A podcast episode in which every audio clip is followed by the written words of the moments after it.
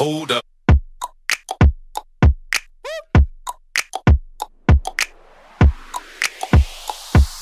Herkese merhaba ben Süleyman. Merhaba herkese ben de Ahmet. Piyasayı belirleyen podcast programına hepiniz hoş geldiniz. Uu, çok iddialı bunun altında kalmayalım mı? Bence iddialı oldu. Ama biz programa başlayalım. Sonuçta bizim de içerik üretmemiz gerekiyor. Çok teşekkür ederim Ahmet öncelikle. Ahmet'le yeni bir programa başlıyoruz. Adı Piyasa olacak. Ayda bir sinema dünyası, dizi dünyasından sohbet edip piyasada dönen işleri, geçmişten film tavsiyeleri ya da vizyondaki filmlerden film tavsiyeleriyle bir podcast programına başlıyoruz. Çok teşekkür ederim Ahmet. Ben de çok teşekkür ederim. Bu benim de heyecanlandığım bir konsept oldu zaten. Yani ben de sinemayı konuşmayı sevdiğim için. Ahmet sen aynı zamanda sinema mezunusun. Evet mi? sinema televizyon. Bunu çok kişi bilmiyor ama herkes senin oyuncu kimliğinle ya da oyunculuk yaptığın için biliyor ama sinema televizyon mezunu olduğunu ben de ilk sohbet ettiğimizde öğrenmiştim. Bugün geçtiğimiz günlerde Haldun Boysan hayatını kaybetti. Onun filmleri hakkında konuşacağız. Son dönemde izlediğimiz dizilerden bahsedeceğiz. Bir de tavsiye ettiğimiz bir yerli bir yabancı. İkimiz de ikişer tane film tavsiye edeceğiz. Haldun Boysan filmleriyle başlayalım. Ee, biz bir tavsiye listesi oluşturmak istedik ama daha sonra çoğu filmi değerli, çoğu dizisi değerli. Zaten neredeyse yani çoğusu demek yanlış olur. Yani hepsi değerli filmler ve yapımlar. Biz bir top 3 listesi yani Ahmet'in bir top 3 listesi nasıl olur, benim top 3 listem nasıl olur bunların hakkında konuşacağız. Ahmet'ten Evet. başlayalım. Haldun Boyson'un oynadığı filmlerde tabii üçüm. Bir, Beyza'nın Kadınları. iki Gemide. Üç de Abim filmi. Haldun Boysan'ın performansına göre değil de burada yanlış anlamasın dinleyenler Evet. de. Yer almış olduğu ve e, değerli filmler. En de en güzelleri Hem başarılı performans gösterdiği hem de filmlerin güzel olduğu bir top 3 yaptık aslında. İçine ben bir tane dizi ekledim bu arada. Tamam. Şöyle yaptım. 3 yapım koydum. Üçüncü sırada Köprü var. Köprüde Hüdayi olarak yer almış. Ben Köprü'yü çok beğendim. Daha sonra ikinci sırada Alef var. Hatta orada bir eski kulağı kesiklerden mi denir artık? Ne denir böyle? Evet. Öyle bir karakterle yer alıyordu orada. Birinci sırada da benim gemide var. Yani Beyza'nın kadınları değil de. Beyza'nın kadınlarıyla gemide arasında ben de gittim geldim ama bu zaten birden üçü değil aslında. İlk üçün içi- içerisinde ben karışık bir şey olarak verdim. Gemide filminde e, gösterdiği performansla en iyi yardımcı erkek oyuncu ödülünü falan almış. Evet. Ya zaten şöyle birbirini şu açıdan biraz benziyor hikaye olarak. İkisinde de böyle e, aslında güzel dönüm noktaları var bizi şaşırtan. İşte karakterler hakkında edindiğimiz izlenimlerin sonradan yanlış çıktığı, ters köşe olduğumuz ikisi de o tarzda bir yapım. O yüzden ikisi de değerli ve birbirinden güzel filmler. Alef'i beğendin mi bu arada? Onun yer almış olduğu. Alef'i de beğendim evet. Yani benim bilmiyorum da ben Blue TV'ye karşı çok yükseğim bu aralar. Ben Blue de TV çok mutluyum. Çünkü yani Netflix'te uzun zamandır biraz televizyon dizileri gibi diziler çıkmaya başladı. O yüzden ben de çok uzun zamandır Netflix izlemiyorum gerçekten. İçeriklerini beğenmediğim için. E, şu an Blue TV benden yani Netflix'ten daha çok Blue TV'ye giriyorum. Gerek filmleri olsun gerek dizileri olsun. Yani dijital mecraya göre iş yapıyor. Biz televizyon izlemek isteseydik televizyon izlerdik zaten. Hani. Burada kendimiz istediğimiz içeriği izleyebilmek adına bir para ödüyoruz. Bunda da yine televizyon mantığına döndüğü zaman algı ben bunu doğru bulmuyorum açıkçası. O yüzden Blue TV'yi son zamanlarda çıkardığı diziler olsun, çektiği filmler olsun e, gerçekten beğeniyorum. HBO dizileri var.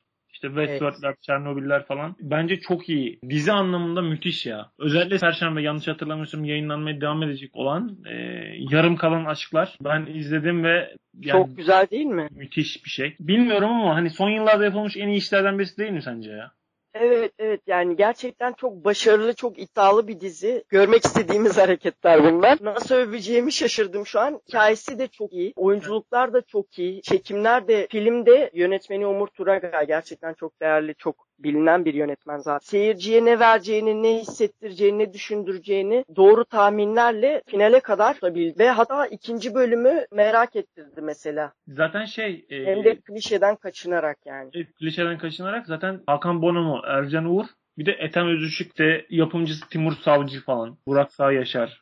Bunlar var. Başarılı. Umarım son zamanlarda dijital mecralarda olsun, e, televizyonda olsun böyle işler sık sık görmeye başlarız. Çünkü artık seyirciler televizyona olan ilgisini kaybetti. Bu taraflara doğru akıyor ama burada da televizyon mantığıyla işler yapıldığı zaman seyirci yine geri çekiliyor. Ben kendi adıma konuşursam bu durumdan hiç memnun değilim yani televizyon mantığıyla dijital mecralara içerik üretilmesini. E, bu noktada da bu durumdan çok iyi kaçınıyor Blue TV. Peki Burak Deniz'in performansı? Burak Deniz'in performansını çok beğendim. Gerçekten o içindeki ikililiği, e, o duyguyu bize iyi aktarmış. Çok zor bir karakter, çok zor bir rol. Hikayenin can alıcı noktası zaten onun oyunculuğu yani. Bu hikayenin e, fikrinin, sinopsisinin öznesi onun oyunculuğu aslında.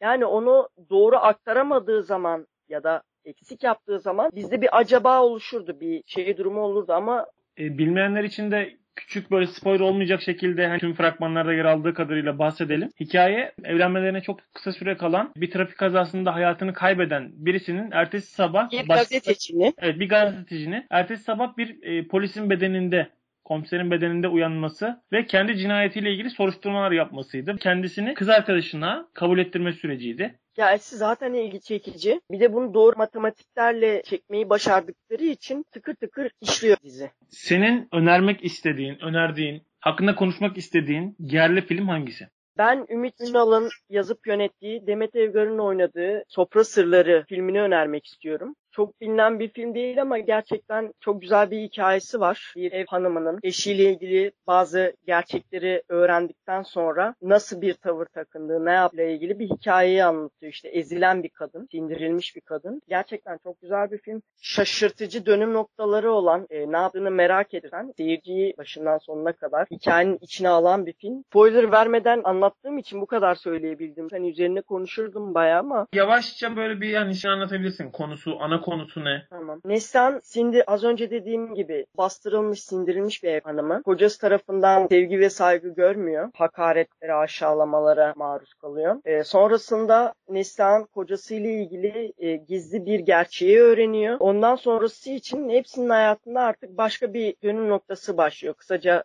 e, anlatmak istersem durum bu. Ama işte o toplumun da bazı şeylerini e, eleştiriyor. Akla yatmayan olaylarını. Oralarda işte yaşanılan hayatları da bize e, aktarıyor. Öyle de bir gerçekçiliği var. O yüzden yani sofra sırlarını izleyenlerin beğeneceğini düşünüyorum.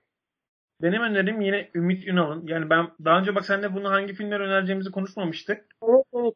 İlk Ee, yine ben yani denk geldi şu an gerçekten. Ümit Ünal'ın yazdığı ve 5 yönetmenle birlikte çektiği Anlat İstanbul. Türk sinemasını izlediğim en iyi ilk 2-3 film arasındandır yani Anlat İstanbul. O zaman bize biraz Anlat İstanbul'dan bahset. Ümit Ünal'ın senaryosunu kaleme aldığı, aynı zamanda 5 yönetmenle birlikte çektiği, işte kadrosunda Altan Erkekli, Özgün Amal, Mehmet Günsür, Erkan Can, Azra Akın, Necat İşler, işte Şevket Çoruh, Güven Kıraç, İsmail Hacıoğlu, Nurgül Yeşilçay, Çetin Tekindor, ondan sonra Şevket Çoruh. Yani müthiş bir oyuncu kadrosu var. 5 farklı yönetmen çekiyor. 5 yönetmen de kendi hikayelerini çekiyor. Aynı filmin içinde 5 farklı bölüm var. Yani şöyle bir bakış açısı var. Masallar İstanbul hayatlarında olsaydı nasıl olurdu gibi. Ama fantastik bir hikaye değil. Yani mesela bir hikayede Fareli Köy'ün kavalcısını Özgün Amal'la Mehmet Günsür'ün oynadığı işte Altan Erkekli var. Hatta e, Özgün Amal'la Altan Erkekli karı kocayı oynuyor. Turafçı. Fareli Köy'ün kavalcısı hikayesini İstanbul hayatlarına evirmişler. Ondan sonra Kudret Sabancı'nın yönettiği Pamuk Prenses var. Bunda Azra Akın oynuyor. İşte Çe- Çetin Tekindor, ondan sonra Necat İşler oynuyor. İşte mesela Kül Kedisi hikayesi var. Selim Demirdelen yönetmiş. Bunda Şevket Çoruh var. İsmail Hacıoğlu var. Güven Kıraç var. Mesela Uyuyan Güzel'de bambaşka bir bakış açısı. Bir köşkte yaşayan Nurgül Yeşilçay var ve yıllardır orada gibi falan. Bunu da yöneten Yücel Yolcu. Hikayesini Fikret Kuşkan, Ahmet Mümtaz Taylan var. Ömür Atay yapmış. Hatta bir İstanbul masalını, Kapalı Çarşı'yı falan. Yani tamamen İstanbul'a özel. Mesela Ömür Atay'ın yönet dizilere bakıyorsun. Bir İstanbul masalı var. Kapalı Çarşı var dediğim gibi. Hakim olan İstanbul'un gününden anlayan ve Biraz da böyle bir şey aslında hani sinema, diziler olsun falan.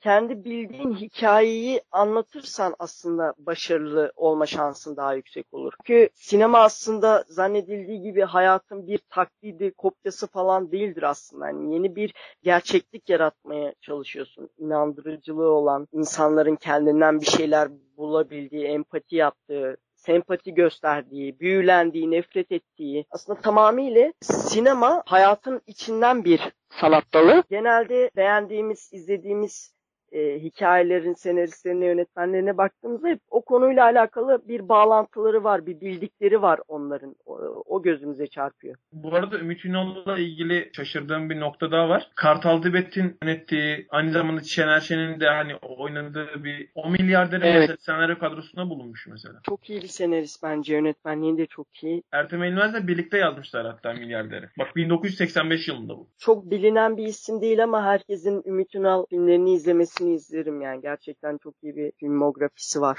Yabancı film önerin neydi? Ben Kefernaum filmini önermek istiyorum. Lübnan, e, Fransız işte bir iki ülke daha vardı yanlış hatırlamıyorsam ortak yapımı film. Hikayesini çok beğendim. Bir derdi var filmin. Anlatmak istediği güzel bir hikaye, vermek istediği güzel bir mesajı var. Kısaca anlatmam gerekirse küçük bir çocuğun ailesinin durumunun kötü olması, çok fazla çocuk doğurmaları, içinde yaşadıkları sefalet, ailenin verdiği e, kötü kararlar, akla vicdana sığmayan, eleştiren bir çocuk ve e, evden ayrılıyor süre sonra. Çok kötü günler geçiriyor.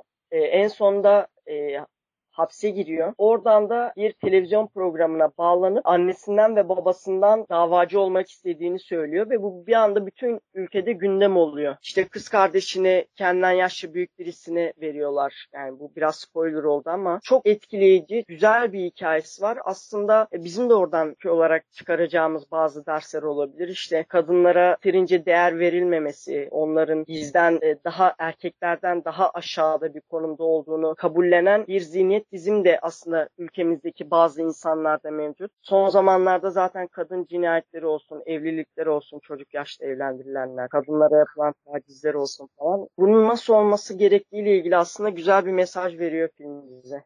Sen o filmi söylediğinde şuna bakmıştım. Capernaum aynı zamanda akademide yarışmış. Ben onu bilmiyordum. Ben kan 2018 kan seçkisinde yer aldığını biliyordum sadece. Hani sadece isim olarak biliyordum. Ama ben bu filmi daha önce hiç izlemedim. Ayrıca Arapçada bu araştırdığımda bunu biliyor muydum bilmiyorum ama kaos anlamına geliyormuş mesela bu Capernaum. Aa yok bilmiyordum. İlginç bir bilgiymiş. Yani tam tamına bir Orta Doğu'nun sorununu anlatan bir film falan diye Evet. hatta Ya zaten orada e, o ülkenin yaşadığı neredeyse e, bütün sıkıntılara kısa kısa değiniyor. E, gerek görüntülerle, gerek hikayeyle, diyaloglarla falan. Aslında hepimizin sorunu aynı gibi. Cehalet, kendini bilmez bilmezlik. önerdiğin film Oscar'da yarışmış akademide. Yabancı dilde en iyi film kategorisine yarışmış. Ödülü Roma'ya kaptırmış. Bu Netflix'in yaptığı Evet, roman. evet. Yani Ya çok- Roma'da güzel hikaye. Bu da şimdi aralarında bir seçim yapamam ama Kepernaum'da alsaymış olurmuş yani. Ben hiç izlemedim. İlk fırsatta izleyeceğim. Benim önereceğim film de yani daha çok böyle komedi izlemek isteyen, böyle kafa dağıtmak isteyen, ya vakit geçsin, hadi bakalım güzel bir vakit geçireyim demek isteyenler için e, Jax'i. Jax'i duydun mu Ahmet daha önce bilmiyorum. Yok duymadım. İlk kez senden duyuyorum. Ben de hatta onu listeme aldım şu an. E, yani Jax'i şöyle bir şeydi. E, nasıl söyleyeyim bu başrolde Adam Devine var. Bu elemanı biliyorsundur. Evet. Modern Family. Orada bakıcı rolünde. Başrolde bence gerçekten hani bu biraz şey mi olur bilmiyorum ama bence Amerika'nın e, Burhan Altıntop'u bu adam. Bir yapay zeka var. Tüm telefonlar Jexi diye bir yazılım var. Her yerde işte herkese Hör'ün biraz daha dalga geçercesine gibisi. Evet. Fragmanda yer aldığı kadarını anlatacağım. Birbirlerine aşık oluyorlar gibi bir yakınlaşıyorlar. Bir yapay zekayla bir insan. Daha sonra insan başka birisine aşık oluyor ve filmde yapay zekanın tüm her yerde tüm yazılımlara girebilen yani herkesin telefonlarına erişebilen, mesaj atabilen, sokak lambalarına kadar erişebilen bir yazılımın o insanın hayatını nasıl dar ettiğini izliyoruz. Yani çok güzel bence. Ha, puanı falan düşük bu arada. Gerçekten IMDB'si IMDB gerçi demeyi seviyor musun? IMDb falan diyorlar ya böyle. E, Bana fark etmez. Ben çok şeye takılmıyorum aslında. Yani hikaye beni içine alıyorsa puanı bile olsun bir şans veririm o filme.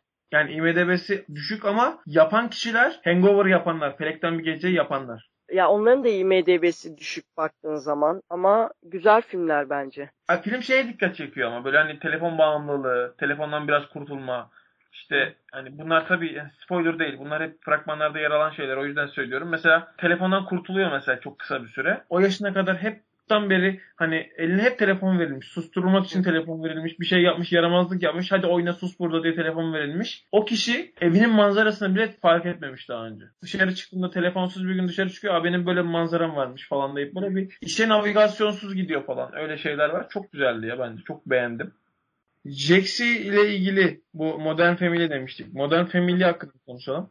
Ya ülkemizde çok bilinmeyen bir sitcom. Komedi dizisi yani. Bu Ee, arada çok uzun Netflix'e geldi. Evet Netflix'te var. Ee, bence şu an bunu dinleyen herkesin yapacağı ilk iş, ilk müsait zamanda oturup e, o diziyi izlemek olsun bence. Gerçekten o kadar seveceğinizi garanti edebilirim yani. Çok iyi bir dizi.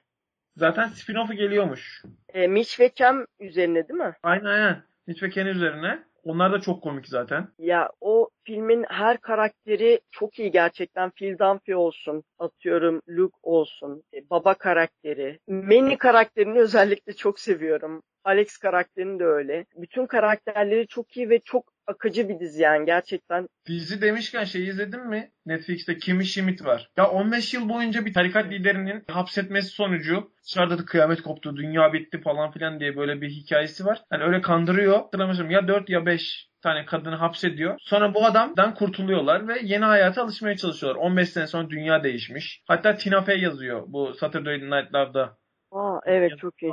Onun da yazarı senaryosu de Tina Fey. Öyle bir hikayesi var. Bir kadının ayakta kalma, işte yeni hayata alışma hikayesi. Hatta bunun Black Mirror'ın çıkmıştı ya. interaktif bir bölümü olmuştu. Evet. Bandersnatch. Yani Bandersnatch gibi. Bu Bandersnatch. da, bunun da bir tane interaktif bölümü falan var. Yani aşırı böyle bir senaryo uğraşılmamış. Ama güldürmek için yani yine biraz önce bahsettiğim tatlında, Jax'i tadında. Ya zaten şöyle sinema filmi ya da dizi olsun yapmak için gerçekten e, çok uzun uğraşlar gerekiyor. Üzerine çok düşünmek gerekiyor. Çok kalabalık bir ekip gerekiyor. e, Çok para gerekiyor. İnanılmaz zor ve karmaşık, komplike bir iş. İçinde o kadar çok hikaye olsun, ışık olsun, görüntü olsun, ses olsun, oyunculuklar olsun, karakterlerin birbirleriyle ilişkisi olsun, karakterlerin e, senaryoyla, hikayeyle, karakterlerin işte görüntüyle e, inanılmaz karmaşık yani sonsuz sayıda kombinasyon üretebiliriz bundan bir sanat dalı aslında. E, diğer bütün sanat dallarında da yine durum bu aynı. E, bunu daha iyi diye söylemiyorum. Şöyle bir şey, e, genelde seyircinin beklentileri oluyor bir filmden. İşte iyi hikaye olsun ya da atıyorum iyi oyunculuklar olsun ya da atıyorum çok güzel hayatlar olsun. Bakayım ben imreneyim ona. Benim yapamadığımı orada görünce mutlu olayım gibisinden. Yine az önce dediğim gibi bir beklentiyle izleniyor genelde filmler. Ben mesela o düşünceyle izlemiyorum. Film e, bana vaat ettiği şeyi başarılı bir örneğini sunuyorsa o beni içine çekebiliyor. Film izlerken üzerine düşünmeyi, kafa patlatmayı çok seviyorum mesela. Hatta bazı filmleri tekrar tekrar izlediğim de oluyor. Şu filmi ön- izle, izlediniz mi? Şu filmi izleyin, şu diziyi izleyin gibi öneriler geliyor. Şu kitapları okuyun falan diyorlar. Aynı dilden konuşabildiğimiz insanlarla bir araya geliyoruz. Zaten sosyal medyanın yol açtığı, bu yeni medyanın yol açtığı şey de bu. Yani sen sadece kendinden olanlarla bir araya geliyorsun. Mesela atıyorum ben e, yönettiğim başka Twitter ya da Instagram sayfaları da oluyor. Hani e, mesela mizah gazetesine giriyorum ya da bir şeyle bir iş yap. Instagram sayfasına ya da Twitter'ına falan giriyorum. Bambaşka yani benimle alakası olmayan, hiçbir zaman daha önce görmediğim, belki de bundan sonra görmeyeceğim tweetler, ondan sonra görmeyeceğim postlar var. Çünkü sosyal medya bizi bu hale getirdi. E, yeni medya bizi bu hale getirdi. Hep bizden olanı ve konuşmak istediğimiz dilde içerikler karşımıza çıkartıyor. Podcast'te başlamamızın sebebi de bu. Aynı düşündüğümüz, yaklaşık aynı şeyleri izlediğimiz, beraber aynı şeylere gülebildiğimiz ya da üzülebildiğimiz filmler ya da dizileri önerelim ki e, insanlar bizden daha başka, daha fazla içerikler, daha fazla öneriler duysun. Ya da onlar da öneriler versin gibi şeyler istedik. Zaten bak en başından beri Alep'i önerdik. Yarım kalan aşklar. Önerdiğimiz filmler bunlar. Zaten büyük ihtimalle biz bu podcast'i ayda birden de kısa sürede de yapıyoruz. Sezon açılıyor, tiyatrolar başladı, ondan sonra filmler geliyor. Böyle gider yani ilk programımız. Bu arada zaten. burada biz e, kendi sevdiğimiz şeyleri konuşup insanlara da derdimizi anlatmak istiyoruz. Bu programın formatı e, zaman içerisinde değişebilir, evrilebilir. Biz şu an net bir şey koymadık ortaya ama zamanla e, gelişeceğimizi, daha iyi olacağımızı düşünüyorum. Ya asıl başlama amacımız e, insanlara bir Evet. şeyler öneri- önerelim. E, gündemdeki dizilerden konuşalım. E, sevdiysek onu önerelim. İşte sevmediysek neden sevmediğimizi söyleyelim. Senin de ağzına sağlık Ahmet. Teşekkür ederim. Ben keyif aldım bu podcast'ten. Umarım insanlar da önerilerimizi izler, bize öneriler hakkında sorular sorar, merak ettiklerini sorar. Şeyi araştırdın mı son yıllarda? Piyasa demişken şu an kurs, kurşunun piyasa değeri en son baktığımda 2 liraydı. bir kurşun değerini belirleyen, piyasayı belirleyen podcast programı. Piyasadan yeni bir telefon görüşmesinde daha görüşmek üzere Ahmet. Görüşürüz Süleyman.